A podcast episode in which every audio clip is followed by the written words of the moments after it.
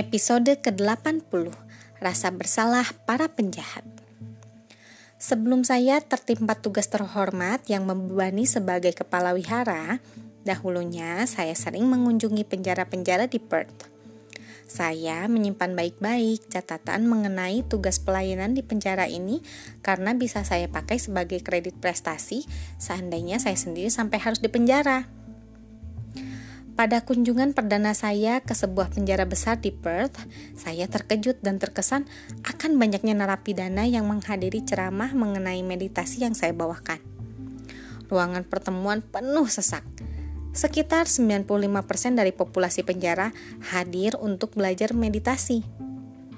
Makin lama saya berbicara, lupanya makin gelisahlah para pendengar saya.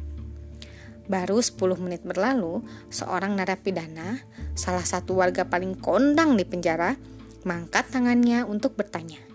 Saya mempersilahkannya. Apa betul? tanyanya.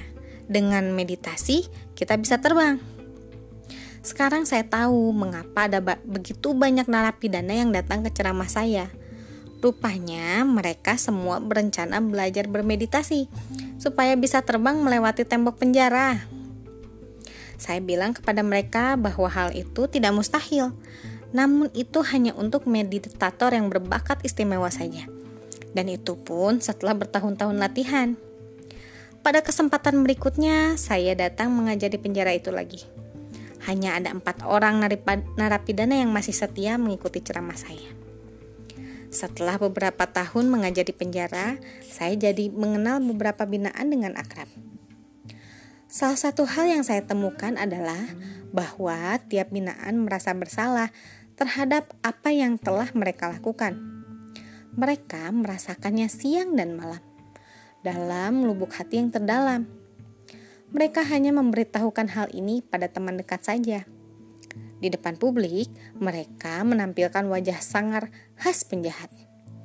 Namun, bila mereka bisa mempercayai Anda, ketika mereka menganggap Anda sebagai pembimbing spiritual mereka, meskipun untuk sejenak saja, mereka akan membuka diri dan mengungkapkan rasa bersalah yang memedihkan.